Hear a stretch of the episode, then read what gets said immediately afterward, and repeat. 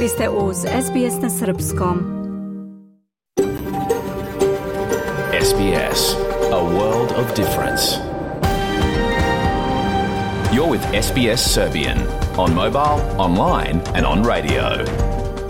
Vi ste uz SBS na Srpskom, na mobilnom, na internetu i na radiju. SBS odaje priznanje tradicionalnim vlasnicima zemlje sa koje danas emitujemo program na srpskom. Ovim izražavamo poštovanje prema narodu Kemrig, ali njegovim prošlim i sadašnjim starešinama. Takođe odajemo priznanje tradicionalnim vlasnicima zemlje i svih aboriđinskih naroda i naroda ostrva Toresovog Moreuza na čijoj zemlji slušate naš program. Dobar dan. Danas je četvrtak, 23. novembar 2023. Ja sam Branko Cvetojević. U današnjem programu na Srpskom govorit ćemo o nedavnom istraživanju koje je pokazalo da domaća javnost većinski podržava napore Australije i Sjedinjenih država da uđu u strateško nadmetanje s Kinom, ali isto tako studija pokazuje da bi ova podrška mogla da bude dovedena u pitanje u zavisnosti od ishoda predsjedničkih izbora u Americi iduće godine.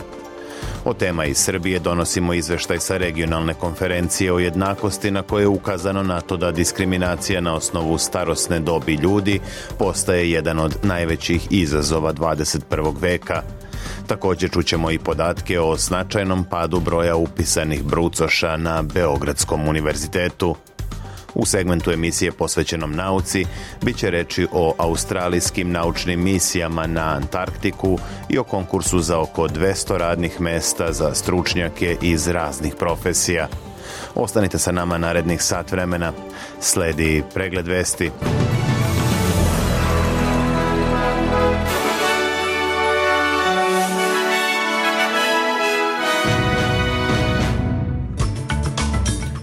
Izraelska vlada i Hamas pristali na četvorodnevni prekid vatre. Srbija i Kipar ostaju privrženi podršci teritorijalnom integritetu i suverenitetu obe zemlje.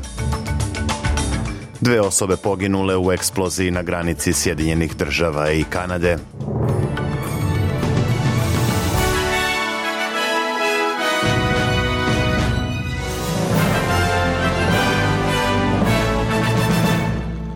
Posle višenedeljnih pregovora izraelska vlada i Hamas pristali su na četvorodnevni prekid vatre kako bi se omogućilo dostavljanje pomoći civilima u pojasu Gaze.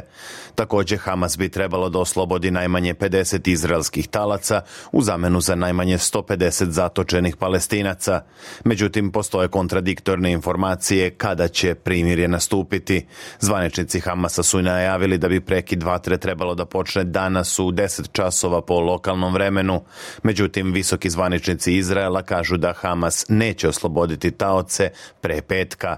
U saopštenju koje je izdala kancelarija izraelskog premijera Benjamina Netanjahua kaže se da pregovori za oslobađanje talaca napreduju, ali Netanjahu poručuje da prekid vatre ne znači i kraj rata.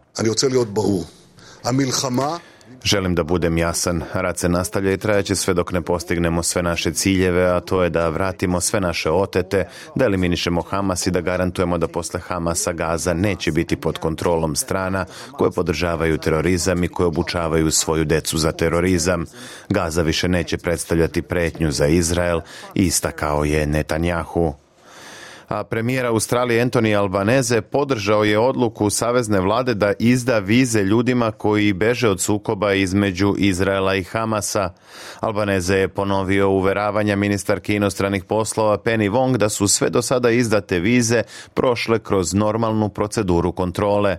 Premijer je naglasio da su vize privremene i da podležu bezbednostnim proverama koje su na snazi dugoročno. Look, Australia has appropriate security checks Albaneze kaže da Australija ima odgovarajuće bezbednostne provere i dodaje da je oko 800 viza odobreno palestincima i oko 1800 Izraelcima. Prethodno ministarka Wong je rekla da Ministarstvo spoljnih poslova daje prioritet povratku australijskih državljana i stalnih stanovnika, te da ih je do sada iz Gaze evakuisano više od 120. A ministarka unutrašnjih poslova i sajber bezbednosti Claire O'Neill izjavila je da su nedavni događaji jasno pokazali potrebu za sveobuhvatnim merama sajber bezbednosti. Prethodno Savezna vlada je najavila novu strategiju sajber bezbednosti vrednu oko 600 miliona dolara. Strategija će podrazumevati redovnu kontrolu stanja kompjuterskih sistema malih preduzeća, povećat će finansiranje sajber zakona i uvešće obavezno prijavljivanje kibernetičkih napada. Takođe, strategija će podvrgnuti telekomunikacione kompanije strožim pravilima koja se primenjuju na kritičnu infrastrukturu. Ministarka O'Neill kaže da su nedavni događaji kada su napadnuti sistemi Medibanka i Optusa istakli potrebu za hitnom i sveobuhvatnom akcijom. Ako smo nešto naučili ove godine, to je da ne možemo da nastavimo kao što smo radili do sada. Ne možemo imati situaciju da se osetljivi podaci dele širom zemlje, kritična infrastruktura počinje da propada, mnoga mala preduzeća i građani nam govore da se osjećaju ranjivo, kaže O'Neill. Naredna godina mogla bi da bude izuzetno teška za mnoge zaposlene jer sve veći broj poslodavaca prijavljuje da se suočava sa tehnološkim viškovima zbog teške ekonomske situacije. Istraživanje stručnjaka za ljudske resurse otkrilo je da 31 od 100 kompanija očekuje da će u ovom kvartalu otpuštati tehnološke viškove u odnosu na 17 od 100 onih koji su najavljivali moguće otpuštanje radnika u prethodna tri meseca. S druge strane, tržište rada u Australiji premašilo je očekivanje tokom većeg dela 2023. a nezaposlenost je na najnižem nivou u poslednjih 50 godina. Izvršna direktorka Australijskog instituta za ljudske resurse Sara McCann Bartlett kaže da će 2024. biti godina većih izazova i za poslodavce i za radnike – I agencija Deloitte Access Economics takođe predviđa slabiju 2024. za tržište rada, pri čemu očekuje oko 75.000 novih radnih mesta, što je daleko manje od 405.000 u 2023. Predsednik Srbije Aleksandar Vučić sastao se u Beogradu sa predsednikom Kipra Nikosom Hristudolidisom. Vučić je posle sastanka izjavio da dve zemlje ostaju čvrsto privržene poštovanju i podršci teritorijalnom integritetu i suverenitetu kako Srbije, tako i Kipra, prenosi RTS. Posebno sam izrazio zahvalnost Kipru i predsedniku Hristudolidisu na podršci teritorijalnom integritetu i suverenitetu Republike Srbije, poštovanju međunarodnog javnog prava, povelju Ujedinjenih nacija i rezoluciji 1244. Istovremeno Republika Srbija u potpunosti podržava norme međunarodnog javnog prava, povelju Ujedinjenih nacija, teritorijalni integritet i suverenitet Kipra kako na zemlji, tako i na moru i takva politika Srbije je nepromenjiva. Vučić je istakao i da je upoznao kiparskog predsednika sa trenutnom situacijom na Kosovu. Lično sam imao priliku da, da u detalje upoznam predsednika Hristo Dolidesa o situaciji na Kosovu i Metohiji, o toku dijaloga, o želji Srbije da kompromisima rešava probleme i kroz dijalog da rešava probleme po tom veoma teškom pitanju, ali ukazao na teškoće i težinu pozicije srpskog naroda na Kosovu i Metohiji i nelakoj poziciji Republike Srbije, koja ni kriva ni dužna, samo zato što poštoje norme međunarodnog javnog prava i povelju Ujedinjenih nacija, danas mora da ispašta zbog politike sile i politike rušenja međunarodnog prava od strane onih koji su znatno jači od nje. Predsednik Kipra Nikos Christodulidis rekao je da sa osjećajem zadovoljstva dolazi u Beograd i istakao je podršku njegove zemlje evropskom putu Srbije, prenosi RTS. Danas smo takođe razgovarali i o dijalogu između Beograda i Prištine. Ja želim javno da ponovim našu podršku tim naporima srpske da vlade. Da stav Kipra je jasan, naš stav ne da može biti promenjen već vezano za poštovanje teritorijalnog integriteta i suvereniteta Republike Srbije. A predsednik Srbije Aleksandar Vučić doneo je ukaze o postavljanju na dužnost ambasadora u Brazilu, Venecueli, Švedskoj i Libiji, objavljeno je u službenom glasniku. U saopštenju Ministarstva spoljnih poslova navodi se da je reč o diplomatama sa višegodišnjim radnim stažom u srpskoj diplomatiji. Na dužnost ambasadora Srbije u Brazilu postavljen je Aleksandar Ristić, koji je u proteklom periodu bio ambasador u Etiopiji. Za ambasadora u Venecueli postavljena je Katarina Andrić, koja je radila u ambasadama Srbije u Tel Avivu, Limi, Buenos Airesu i u stalnoj misiji pri OEBS-u.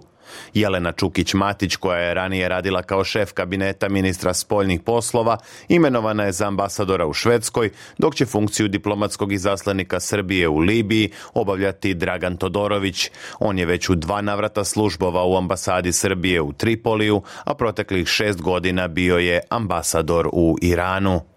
Dve osobe su poginule, jedan američki graničar je povređen prilikom eksplozije automobila na graničnom prelazu Rainbow Bridge koji povezuje Sjedinjene države i Kanadu kod Nijagarinih vodopada. Na videosnimku se vidi automobil koji se kreće velikom brzinom pre nego što je pod još nerazjašnjenim okolnostima eksplodirao. Iako je prvobitno bilo strahovanja da bi eksplozija mogla da bude povezana sa terorizmom, guvernerka države New York Kathy Hochul potvrdila je da nema naznaka koje ukazuju na teroristički napad. world is watching to find out what happened here. Guvernerka kaže da je stres veliki u trenucima ovako velike anksioznosti, kao i da su Sjedinjene države u pojačanoj pripravnosti od 7. oktobra i napada Hamasa u Izraelu. Zato je važno da kažemo svetu da na osnovu onoga što znamo u ovom trenutku nema znakova terorističke aktivnosti, rekla je Hokil. Ona je dodala da je za sada od dve osobe koje su stradale identifikovan jedan lokalni stanovnik. Također rekla je da je graničar povređen i da mu je kabina u kojoj je sedeo spasila spasila život. Posle ovog incidenta sva četiri mosta na granici Sjedinjenih država i Kanade privremeno su zatvorena za saobraćaj, a agenti FBI istražuju ceo slučaj. Stanovnici Južne Koreje izrazili su zabrinutost nakon što je Severna Koreja u orbitu lansirala izviđački satelit. Kako se navodi, žitelji Seula i drugih gradova zabrinuti su zbog razvoja satelitske tehnologije Severne Koreje, koja bi, kako se kaže, potencijalno mogla da dovede do rata na Korejskom poluostrvu. Takođe, deo Južnokorejaca poziva na bliže veze ove zemlje sa Sjedinjenim državama i Japanom. S druge strane, severnokorejski zvaničnici kažu da su 22. novembra uspešno postavili svoj prvi špijunski satelit u orbitu i obećali da će ih lansirati još u bliskoj budućnosti. Severna Koreja ovim odgovorila na međunarodnu osudu od strane Sjedinjenih država i njihovih saveznika – Zvaničnici u susednoj Južnoj Koreji i Japanu, koji su prvi prijavili lansiranje satelita, istakli su da za sada ne mogu sa sigurnošću da utvrde da li je satelit zaista i postavljen u orbitu. Na međunarodnom tržištu valuta jedan australijski dolar danas vredi 66 američkih centi, 60 euro centi, 52 britanska penija i 70 srpskih dinara i 48 para. Od sportskih vesti danas izdvajamo. Teniska reprezentacija Australije plasirala se u polufinale Davis Kupa drugu godinu zaredom, pošto je sa 2-1 u pobedama savladala selekciju Češke. U meču odigranom u Španskoj Malagi Česi su poveli zahvaljujući Tomasu Mašaku koji je sa 2-0 u setovima savladao Jordana Thompsona. U drugom duelu singlova izjednačio je Alex Deminor koji je posle velike borbe nadigrao Jiržija Lehečku sa 2-1. Odlučujući poen Australiji donao je dubl Matthew Ebden Max Purcell pobedom od 2-0 protiv Lehečke i Pavlašeka. Australijska reprezentacija će u polufinalu Davis Kupa igrati protiv Finske, koja je dan ranije iznenadila prošlogodišnjeg šampiona Kanadu i slavila sa 2-1 u pobedama. Večera se u Malagi igraju još dva četvrtfinalna duela. Selekcija Srbije predvođena Novakom Đokovićem igra protiv Velike Britanije, dok se Italija sastaje sa Holandijom. Pobednici ovih susreta odmeriće snage u polufinalu koje je na programu u subotu dok se Australija i Finska sastaju u petak uveče. Za Srbiju pored najboljih tenisera sveta igraju još Laslo Đere, Dušan Lajović, Miomir Kecmanović i Hamad Međedović a futbalska reprezentacija Australije zabeležila i drugu pobedu na startu kvalifikacija za svetsko prvenstvo 2026. Posle ubedljivih 7-0 protiv Bangladeša, Sokerusi su na neutralnom terenu u Kuvajtu savladali selekciju Palestine sa 1-0 golom Harija Sutara u 18. minutu meča. Posle prva dva kola Australija vodi u grupi i azijske zone kvalifikacija sa maksimalnih šest bodova, dok je na drugom mestu Liban sa dva osvojena boda. Mundijalske kvalifikacije nastavljaju se u martu iduće godine, kada će Sokerusi odigrati dvomeč sa selekcijom Libana, najpre na domaćem terenu, a zatim i u gostima. Visoke temperature i vetar u zapadnoj Australiji doveli su do požara na severnoj periferiji Perta. Stanovnici pojedinih delova predgrađa Melaluka i Jandabup upozoreni su da je prekasno da napuste svoje domove jer se požar ubrzano i nekontrolisano razvijao prema zapadu. Posle današnjih 40 stepeni, za Perce sutra najavljuje 38 uz istočni i jugozapadni vetar. Za to vreme na istočnoj obali potpuno drugačije vremenske prilike – U petak u Sidneju moguća povremena kiša i maksimalni 25, u Melbourneu pljuskovi i 26, dok se za Kamberu najavljuju povremene padavine i 24. Sutra u Adelaidu kišovito uz mogućnost nevremena s grmljavinom, temperatura do 22, a u Brisbaneu povremeno oblačno i 27. Za Darwin se najavljuju pljuskovi s grmljavinom i 33, a u Hobartu uglavnom sunčano i 25. U Srbiji danas uglavnom vedro i hladno, temperatura od 1 do 6 stepeni. Bilo je to sve u pregledu vesti na srpskom jeziku za 23. novembar 2023. Za više informacija posetite sbs.com.au kosacrta news.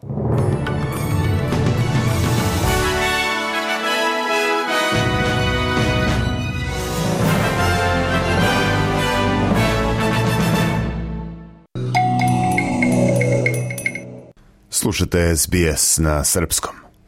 Nedavno sprovedeno istraživanje pokazalo je da australijska javnost generalno podržava napore Australije i Sjedinjenih američkih država da se uključe u strateško nadmetanje sa Kinom. Takođe, većina ispitanika ima pozitivan stav prema Vojnopolitičkom savezu AUKUS kao i prema vojnoj asertivnosti – Međutim, rezultati studije takođe ukazuju na to da bi ova podrška mogla biti dovedena u pitanje u zavisnosti od toga ko će pobediti na američkim predsedničkim izborima sledeće godine, piše Julian Oje za SBS News. Za program na srpskom pripremila Biljana Ristić. Centar za studije Sjedinjenih država na Univerzitetu u Sidneju bavi se istraživanjem američke spojne politike i njenog uticaja na Australiju. Ovaj centar je drugu godinu zaredom sproveo istraživanje javnog mnjenja u Australiji i Sjedinjenim državama o spoljnoj politici ove dve zemlje prema Kini. Ove godine u to istraživanje je uključeno i japansko stanovništvo kako bi se dobila šira vizija.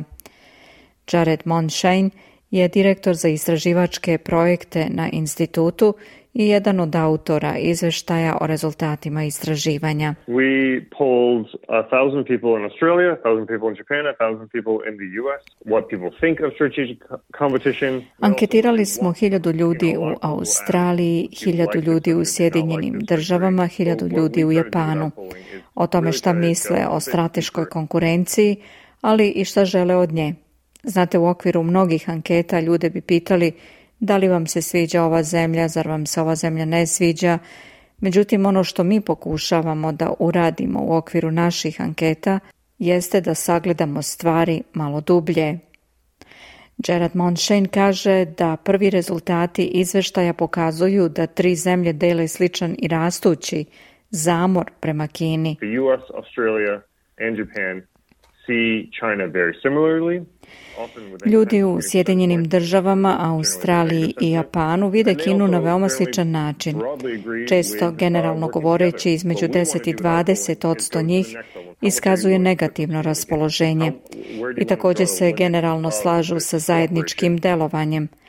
Ono što želimo da postignemo sa našim anketama jeste da postavimo stvari na viši nivo, u smislu da pitamo koliko ste spremni da stavite svoju kožu u igru – gde je granica ove saradnje.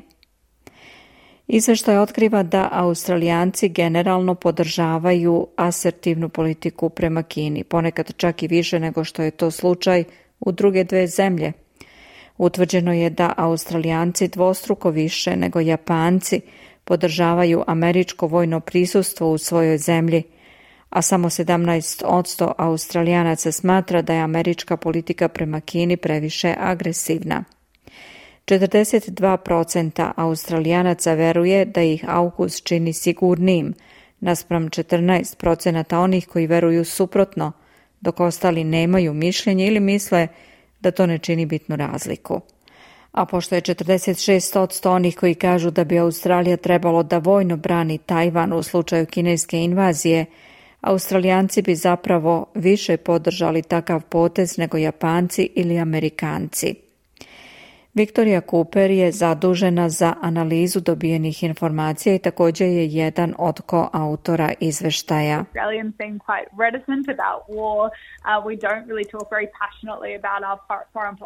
Uh, Australijanci su prilično suzdržani prema ratu. Mi ne govorimo strastveno uh, o našoj spoljnoj politici.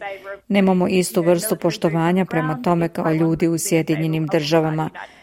To je znači još nešto što smo saznali, da su Australijanci spremniji da zakorače vojnom čizmom ako Tajvan bude napadnut zajedno sa Sjedinjenim državama. Ona međutim napominje da ova protivurečnost govori manje o Australijancima, a više o Amerikancima. Perhaps it's also a sort of signal of America's sort of bent towards isolationism, uh, a want to focus on issues at home. We've heard that kind of Uh, Možda je to i neka vrsta signala američkog naginjanja ka izolacionizmu i želje da se fokusira na domaća pitanja. Na Trumpovom jeziku to zvuči kao Amerika na prvom mestu, a na Bidenovom jeziku to zvuči kao spoljna politika za srednju klasu.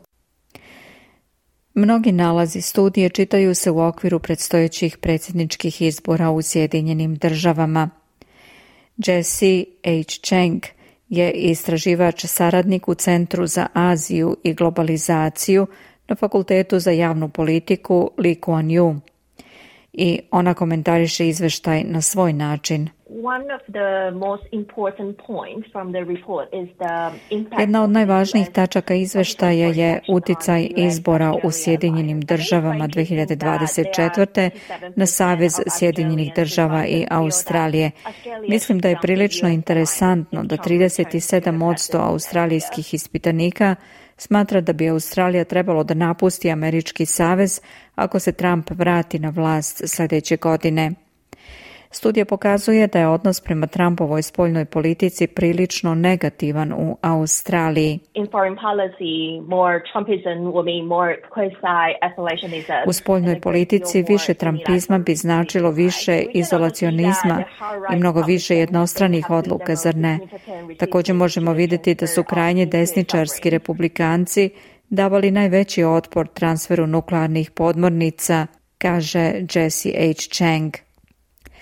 Viktorija Cooper se slaže da se na taj način gleda na Trumpovu spoljnu politiku u Australiji, a takođe i u Japanu – ali dovodi u pitanje da li je ovakva percepcija zaista tačna.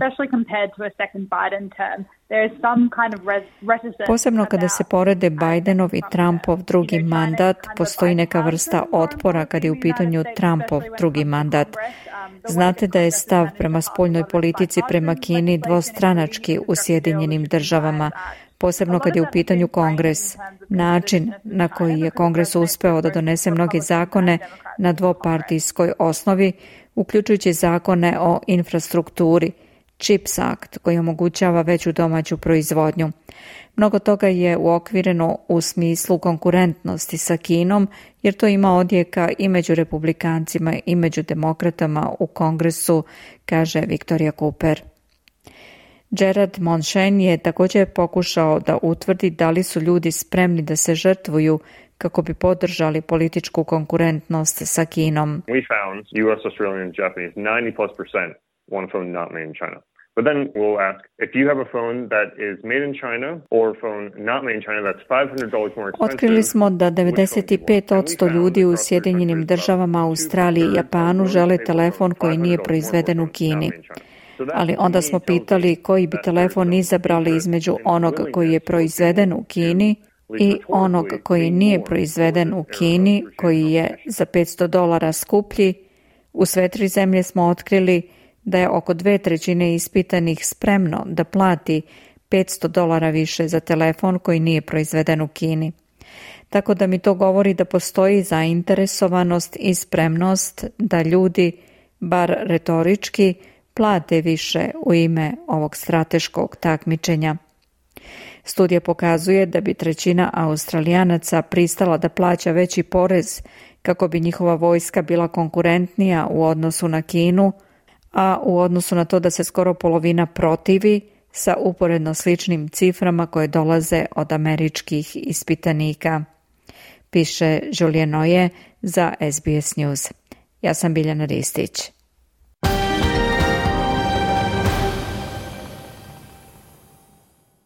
U nastavku sledi tema iz Crne Gore. Vlasti i opozicija u Crnoj Gori potpisali su utorak sporazum o uslovima održavanja popisa stanovništva u ovoj državi. Sporazum predviđa veću kontrolu ovog procesa od strane opozicije i manjinskih naroda. Prema planu, Popis treba da bude obavljen od kraja novembra do polovine decembra ove godine, ali za sada još nije preciziran tačan datum njegovog održavanja, javlja Milica Delibašić. Deve dana uoči početka popisivanja stanovništva u Crnoj Gori napravljen je još jedan korak naprijed. Sporazum o uslovima održavanja tog procesa potpisale su opozicione parlamentarne stranke, Demokratska partija socijalista, socijaldemokrate i Bošnjačka stranka, kao i predsjednici šest vijeća manjinskih naroda, uključujući i Srpski nacionalni savjet. Dokument je u ponedjeljak veče potpisao i premijer Milojko Spajić koji ga je i predložio. Poslanik DPS-a Nikola Rakočević poručio je da je Demokratska partija socijalista stavila svoj potpis na sporazum, ali u tom procesu neće učestvovati dok se svi uslovi iz njega i ne ispune. Postoje, dodaje, dva razloga zašto je DPS prihvatio navedeni sporazum. Jedan je da doprinesemo postizanju opšte konsenzusa, dijaloga i kohezije u društvu u cilju dostizanja najvećih evropskih demokratskih standarda. I drugi razlog je što smo na ovaj način prihvatanjem e, uslova od strane e, mandatara Spajića, što pohvaljujemo kao dobar i zreo politički potez, e, zajednički ocijenili i ustanovili da je pripremana popisna prevara od vlade Drta Nabazovića. Da se slovo pretoči u praksu očekuje i Adela Omeragić iz Bošnjačke stranke. Ona pitanja na koja smo mi insistirali, a koja se tiču kontrolnog mehanizma i veće transparentnosti samog procesa su postala dio sporazuma i mi zaista očekujemo da sve ono što je zapisano u sporazumu da bude i implementirano u praksi. Sporazumom je između ostalog propisano proširivanje popisnih komisija, kontrola unosa podataka, izrada softvera za njihovu provjeru, ali i zabrana partijama da sprovode popisnu kampanju. Ono što se u dokumentu ne nalazi jeste datum održavanja popisa koji je, podsjetimo, ranije odgođen za 30. novembar. Nikola Zirojević iz SDA poručuje da on nije ni bit bitan, ali upozorava. Datum sam po sebi nije toliko važan koliko je važno adekvatno implementirati sve kontrolne mehanizme, sve ono što smo dogovorili s porazumom. Kada to bude završeno, a da li će to biti završeno 30. novembra ili ne, od nas ne zavisi. Ukoliko ne, i te kako imamo problem, onda će se početak popisa stanovništva ili morati odložiti, ili ćemo u suprotnom smatrati da smo prevareni od strane aktuelne vlasti i vratit ćemo se na onu početnu poziciju kada ćemo građanke i građane opet pozvati na bojkot popisa. Nakon stavljanja potpisa na dokument, saopštenjem su se oglasili i predstavnici manje brojnih naroda. Zadovoljni su što je nova vlada imala razumijevanje za ispunjavanje određenih uslova i pokrenula dijalog. Očekujemo da će se ovim sporazumom koji sadrži sve bitne elemente naših zahtjeva u vezi sa kontrolom i transparentnošću procesa stvoriti uslovi za održavanje legitimnog, kontrolisanog i vjerodostojnog popisa čije će rezultate svi uvažiti, piše u njihovom saopštenju. Planirano je da popis bude sproveden od 30. novembra do 15. decembra. Popis je trebalo da se održi od 1. do 15. novembra, ali ga je Spajićeva vlada odmah nakon izbora odložila izmjenjenom uredbom kojom se određuje datum održavanja popisa. Iz Podgorice za SBS na Srpskom, Milice Delibašić. Slušajte SBS na Srpskom, na mobilnom, na internetu i na radiju.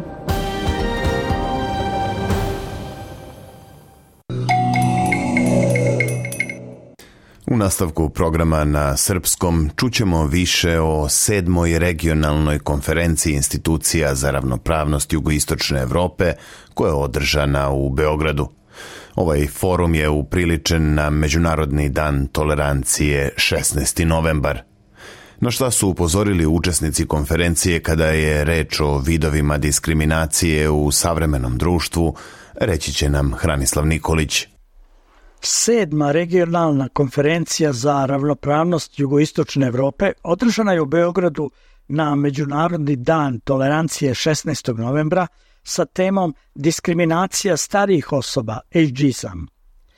A učestvovali su predstavnici iz Hrvatske, Slovenije, Crne Gore, Bosne i Hercegovine, Severne Makedonije, Albanije i naravno Srbije. Ratni deo konferencije odvio se kroz panele posvećene izazovima ageizma višestrukoj diskriminaciji po osnovu starosnog doba, kao i problemima sa kojima se suočavaju starije žene.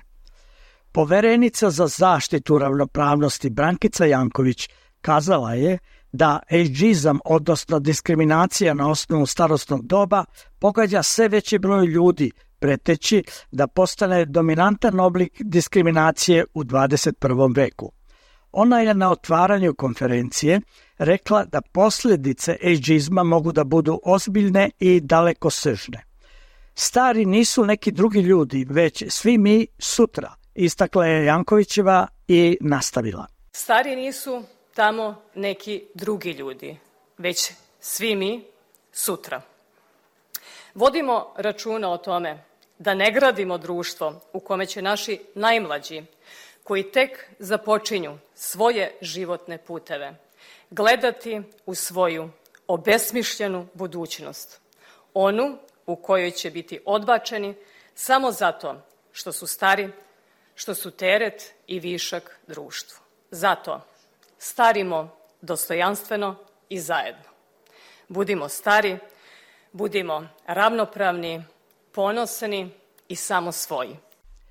Ministarka tehnološkog razvoja i inovacija Jelena Begović je navela da Ministarstvo za nauku, tehnološki razvoj i inovacija predstavlja dobar primer u borbi protiv vežizma s obzirom da veliki broj ljudi čak i u penziji nastavlja da se bavi naukom. Mogu da kažem da u stvari Ministarstvo za nauku možda e, i predstavlja dobar primer s obzirom da veliki broj ljudi i čak kada su u penziji nastavljaju da se bave naukom i imaju sistem da mogu da budu e, deo naučne zajednice, bez obzira bili u penziji ili ne, bez obzira na godine. Naše ministarstvo takođe vidi to kao jednu širu sliku, a to jeste ravnopravnost i inkluzija svih, uključujući i žena. I te principe u suštini primenjujemo i na stare osobe i e, na sve ostale, da kažem, e, manjinske manjinske ili većinske grupacije, ali inkluzivnost jeste ključ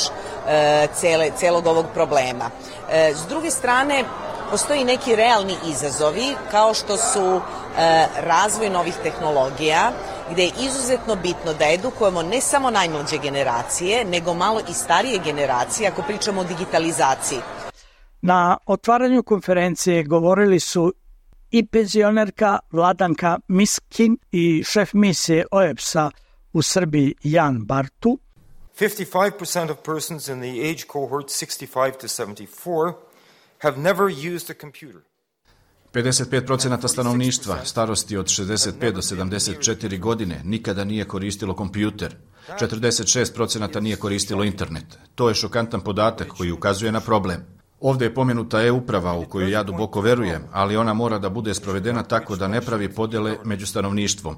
Imamo veliki broj starijih osoba koje nikada nisu bile u blizini pametnih telefona ili kompjutera i kako od njih da očekujemo da se prijave na zdravstveni pregled online ili da kupe voznu kartu preko interneta. online. Or even buy a, a train ticket Konferenciju je otvorila devojčica Milica Đukić, pobednica na konkursu Most razumevanja Međugeneracijska solidarnost 2023. Kako se navodi, na konferenciji su tradicionalno uručene godišnje medijske nagrade koje zajednički dodelju poverenik za zaštitu ravnopravnosti i misija OEPS-a u Srbiji autorima i autorkama najboljih medijskih tekstova i priloga na temu borbe protiv diskriminacije, promovisanja ravnopravnosti i tolerancije. Prema podacima Ujedinjenih nacija, kako je istaknuto na ovoj konferenciji, broj starih osoba širom sveta se skoro petostruko povećao u poslednjih 65 godina. Prema prognozama do 2050. godine, jedan od šest ljudi će biti stariji od 65 godina u odnosu na 2019. u kojoj je jedan od 11 ljudi bio stariji od 65 godina – navode iz Kancelarije poverenika za zaštitu ravnopravnosti. Starenje stanovništva predstavlja izazov pre svega za sisteme penzijsko-invalidskog osiguranja, socijalne i zdravstvene zaštite i njihovo prilagođavanje na rastujućim problemima starijih. Iz Beograda za SBS, Hranislav Nikolić.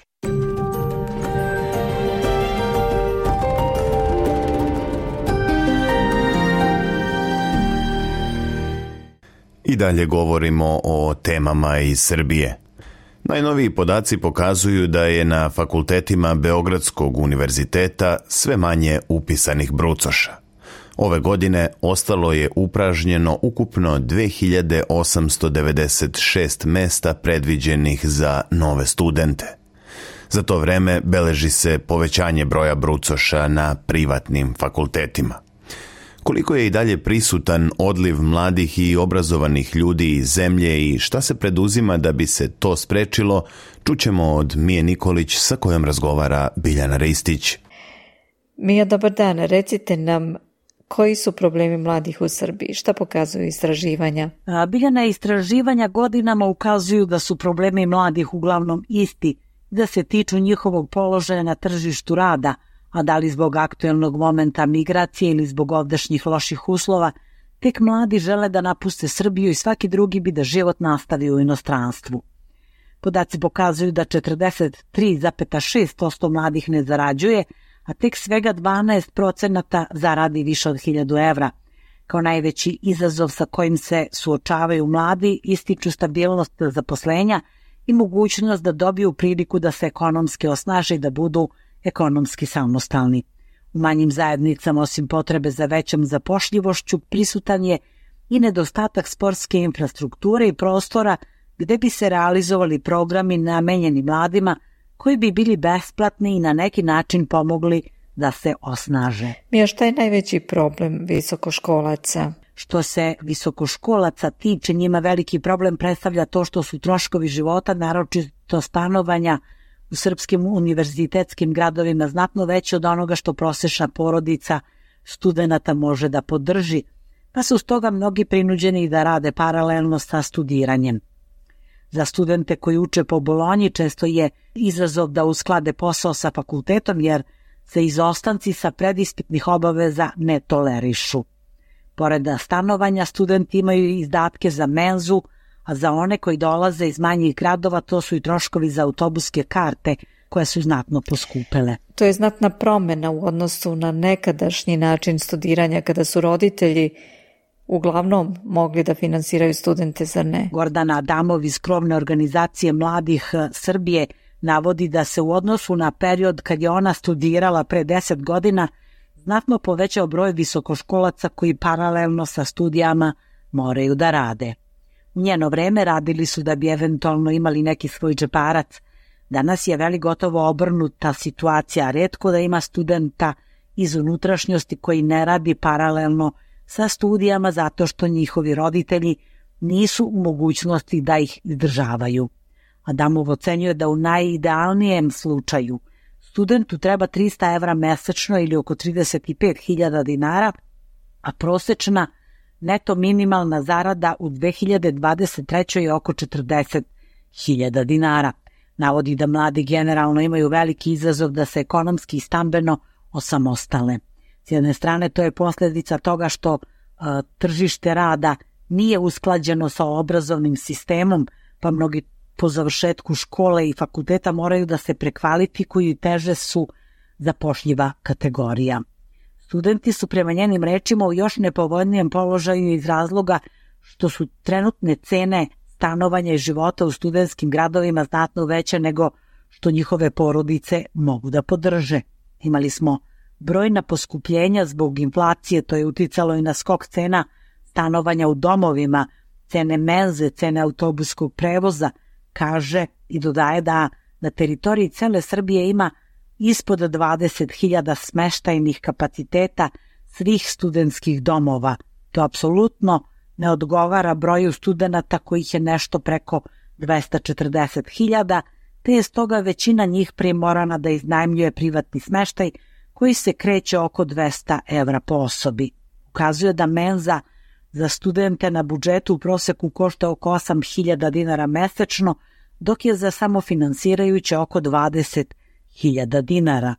Dodatni trošak za studente iz unutrašnjosti je i cena autobuske karte. Tako je cena povratne karte do, na primer, Niša i Vranja jednaka ceni dvokrevetne sobe u domu, te je mnogima sve teže da isfinansiraju odlazak kući za vikend. Mija, da li država nekim povlasticama pokušava da pomogne studentima? Predstavnici države najavili su da će od 1. decembra krenuti izdavanje studentskih kartica – koje će omogućiti razne pogodnosti i popuste, a moći će da ih dobiju i budžetski samofinansirajući studenti, ali i studenti visokih škola, master i doktorskih studija. Najavljeno je da će njima studenti moći da ostvare popuste od 20% na vozne karte i 10% na aviokarte, ali i značajne popuste na druge usluge u Srbiji od trgovinskih lanaca – do drumarina. Kako studenti reaguju na tu najavu države? U reakcijama na ove benefite studenti navode da im najavljene kartice neće doneti mnogo toga novog, jer su i do sada ostvarivali popuste putem indeksa. Novina su 10% jeftinije avio karte kao i niže cene putarina. Studenti, međutim, nisu poznati kao kategorija koja mnogo koristi avio prevoz, tako da nam to ne znači puno, poručuju visokoškolci a Gordana Adamov ukazuje i da redko ko od studenta vozi auto, te da im jeftinije putarine neće popraviti budžet. Međutim, navodi da možda još uvek nije oglašen ceo spisak popusta, kao i da KOMS svako jako pozdravlja bilo koju meru državne pomoći ugroženim kategorijama mladih. Ona podsjeća da su nakon korone kulturne institucije, pozorišta, galerije ukinule ili ograničile studentske popuste, iako su to budžetske institucije, pa tako mladoj osobi je potrebno 1000 dinara da ode na pozorišnu predstavu. A mi, a šta studenti misle na šta treba da se stavi akcenat? Sami studenti tvrde da akcenat treba da se stavi na proširenje kapaciteta studentskih domova kao i na njihovu obnovu imajući u vidu da u Beogradu na oko 100.000 studenta postoji svega oko 11.000 domskih mesta. Ono što takođe najviše utiče na kvalitet života studenta jesu cene prehrambenih proizvoda koje su u poslednje dve godine skočile enormno. Student koji ima stipendiju 13.000 dinara ne može da izdvoji 10.000 za hranu mesečno. Nama bi najviše značilo da imamo neke popuste u trgovinskim lancima, ocenjuje Anđelija Stanimirović iz organizacije Kreni promeni. Prema podacima Evropskog foruma, Srbija je ostvarila značajan napredak u kvalitetu života mladih. Koliko to odražava stvarnost? Gordana Adamov, komentarišući skok Srbije, sa 47. na 42. mesto prema indeksu napretka mladih 2023. i prosečnu ocenu 79,9 od 100 od 100 Kaže da je to dobro i da je direktan rezultat saradnje koje je vlada ostvarila sa mladima kroz dijalog. Međutim, u okviru tog indeksa postoje stvari koje nisu na zavidnom nivou, kao što su, na primer, životna sredina, kvalitet vode i vazduha, a koje mladi prepoznaju kao problematične, pa im je tako životna sredina jedna od najvažnijih tema u Srbiji, rekla Adamov. Ono što ona ocenjuje kao napredak jeste to da su mladi mnogo više uključeni u kreiranje dokumenata javnih politika. Jedan od primera dobre prakse je nacionalna strategija za mlade do 2030. Usvojen je i akcioni plan za implementaciju strategije gde su prepoznate bitne oblasti za mlade na kojima bi država trebalo da radi do 2030. godine. Takođe u proceduru bi uskoro trebalo da uđe nacrt zakona o radnim praksama kojim bi se regulisala ta oblast koja do sada nikada nije bila uređena.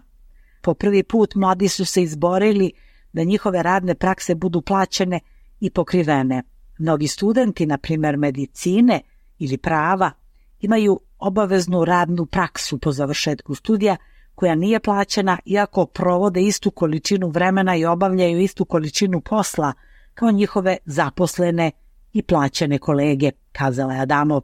Ona je kao primer dobre prakse navela i implementaciju programa Garancija za mlade, koja je najavljena za 2024. Ovaj program već postoji u 27 zemalja članica Europske unije i predstavlja obavezu da se mladima od 15 do 29 godina – kad prekinu školovanje ili izgube posao, u roku od četiri meseca omogući prilika za radnu praksu, volontersko iskustvo, zaposlenje ili nastavak školovanja. Adamov objašnjava da bi te garancije sprečile da mladi budu u kategoriji onih koji nisu ni u sistemu obrazovanja, ni na tržištu rada i prosto postaju nevidljivi sistemu. Ukazuje da za sada – imamo veliki procenat tih mladih koji nisu ni tamo ni ovamo, nezaposleni su, a nisu prijavljeni kod nacionalne službe za, za zapošljavanje. Navodi da republički budžet predviđa 0,08 od 100 e, sredstava za omladinsku politiku, da mladi jesu kategorija koja se ubraja i u kulturu, u nauku, zdravstvo, ali jedna od preporuka Komsa je uvođenje omladinsko odgovornog budžetiranja – to jeste da postane vidljivo transparentno koliko se zaista odvaja za mlade u različitim segmentima. Na kraju, da li vlada planira da uradi nešto po pitanju mogućnosti radne prakse? Ivan Antonijević, pomoćnica ministra za turizam i omladinu, kaže da je zakon o radnoj praksi apsolutni prioritet vlade Srbije, koja je sada do duše u tehničkom mandatu. Sve mere koje Republika Srbija planira da uradi u naredne tri godine – po akcionom planu usmerene su da se koriste svi kapaciteti naše zemlje, da se na svaki mogući način utiče na životni standard mladih i da oni donesu odluku da ostanu u svojoj zemlji, izjavila je Antonijević za RTS. Javni servis ukazuje da i oni koji ostanu u svojoj zemlji imaju problem da se osamostale i to se dešava mnogo kasnije nego kod njihovih vršnjaka u Evropskoj uniji. Dve trećine mladih živi sa svojim roditeljima.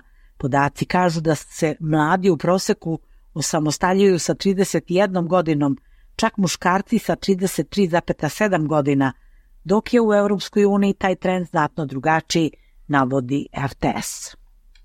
Biljana. I toliko za danas. Hvala Mija. Bila je to naša saradnica iz Srbije, Mija Nikolić. Ja sam Biljana Ristić. SBS na srpskom. Podelimo priče na Facebook stranici.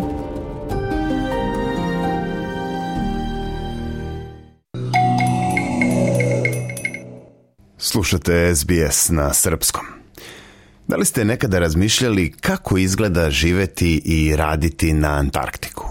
Ukoliko jeste i ako imate dovoljno smelosti da to i probate, sada bi mogla da vam se ukaže šansa kakva se redko pruža – Naime, Australijski antarktički program, agencija koja funkcioniše u okviru Ministarstva za klimatske promene, energiju, vodu i životnu sredinu, raspisala je konkurs za oko 200 radnih mesta – Kandidati koji budu izabrani radit će u tri australijske istraživačke stanice na samom Antarktiku, kao i u jednoj na podantartičkom ostrvu Mekvori – Pozicije su otvorene za finansijsku godinu 2024 25 i da biste konkurisali ne treba da budete naučnik.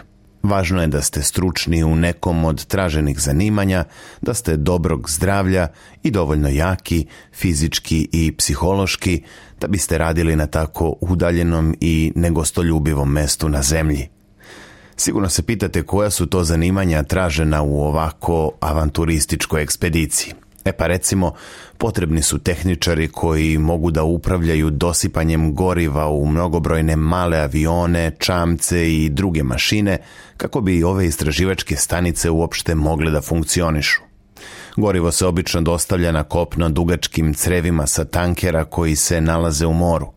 Zbog okruženja u kojem se ovaj posao obavlja, potrebno je poznavanje upravljanja situacijama značajnih bezbednostnih rizika i rizika po životnu sredinu, navodi se u oglasu Australijskog antarktičkog programa. Pozicije postoje i za kuvare, koje čeka pripremanje hrane u potpuno drugačijim uslovima u odnosu na one na koje su navikli ovde u Australiji. Ova pozicija, pored kuvanja hrane za članove ekspedicije, podrazumeva i naručivanje zaliha i pripremanje cateringa za ekipe koje odlaze u istraživanja dublje u zaleđene predele Antarktika. Potrebni su i električari i operateri uređaja za komunikaciju i lekari kao i vodoinstalateri. Jedan od njih je Sean Gillis. Ovaj vodoinstalater se prijavio za rad na Antarktiku i kaže da ni jednog trenutka nije zažalio zbog toga. Naprotiv, on smatra da je to iskustvo koje čoveku menja život. Um, kao što atletičar sanja da ode na olimpijske igre, tako i za mene najbolja stvar ili jedna od najboljih stvari koje sam mogao da uradim kao vodoinstalater, da budem vodoinstalater na Antarktiku. Dok ne postave cevi na mesec, mislim da je ovo najdalje i najhladnije gde me moje zanimanje može odvesti, kaže Gillis. A kada budete čuli koliko će zarađivati vodoinstalateri u ovoj misiji, bit će vam jasno da će pored avanturističkog duha biti zadovoljen i njihov bankovni račun. Vodoinstalateri u istraživačkim stanicama zarađuju 145.142 dolara godišnje. Sličnim iznosima plaćeni su i električari, kuvari, tehničari za dosipanje goriva, komunikacioni operateri, mehaničari za frižidere i drugi. Nešto veću godišnju platu ima zemaljsko osoblje na pisti aerodroma Wilkins, oko 160.000 dolara, dok vođe istraživačkih stanica zarađuju 202.603 dolara godišnje. Ipak najbolje su plaćeni lekari odabranim medicinskim stručnjacima koji moraju da budu osposobljeni i za manje hirurške i stomatološke intervencije, sleduje godišnja zarada od 211.592 dolara.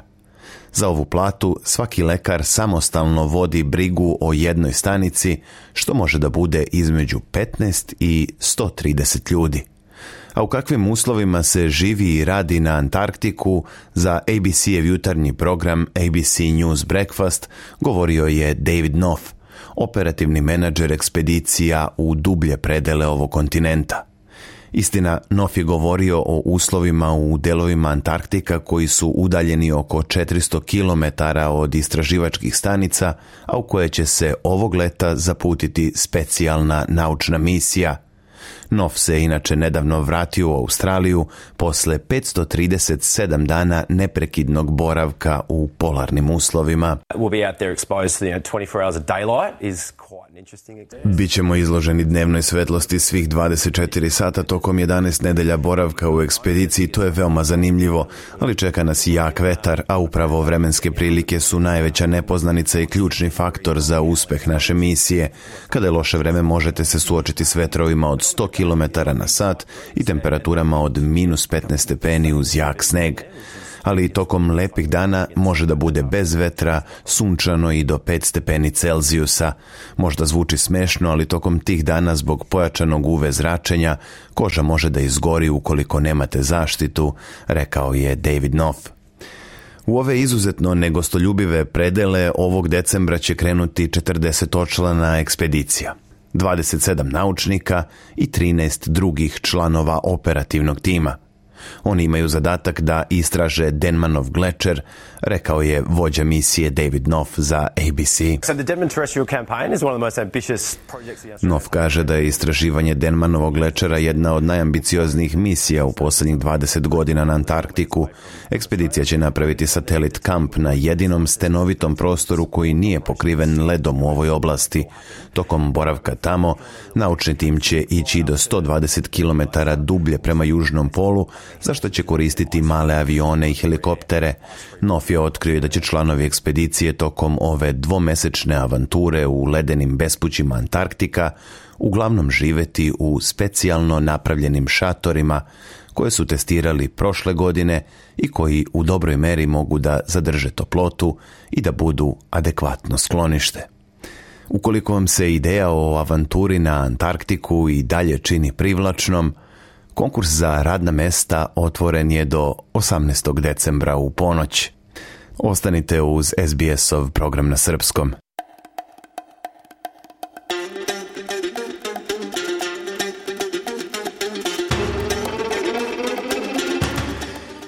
Do kraja programa ostalo je još dovoljno vremena da vam poželim prijatan dan i da vas podsjetim da narednu emisiju na srpskom možete slušati u subotu 25. novembra od 15 časova. Sve naše sadržaje možete poslušati na sajtu sbs.com.au kosacrta srbijen, a ne zaboravite da pratite i našu stranicu na Facebooku gde ćete takođe pronaći najnovije vesti, intervjue i reportaže. Moje ime je Branko Cvetojević. Želim vam prijatan dan i do slušanja.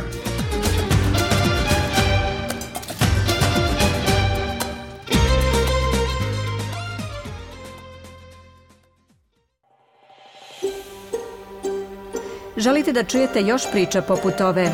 Slušajte nas na Apple Podcast, Google Podcast, Spotify ili odakle god slušate podcast.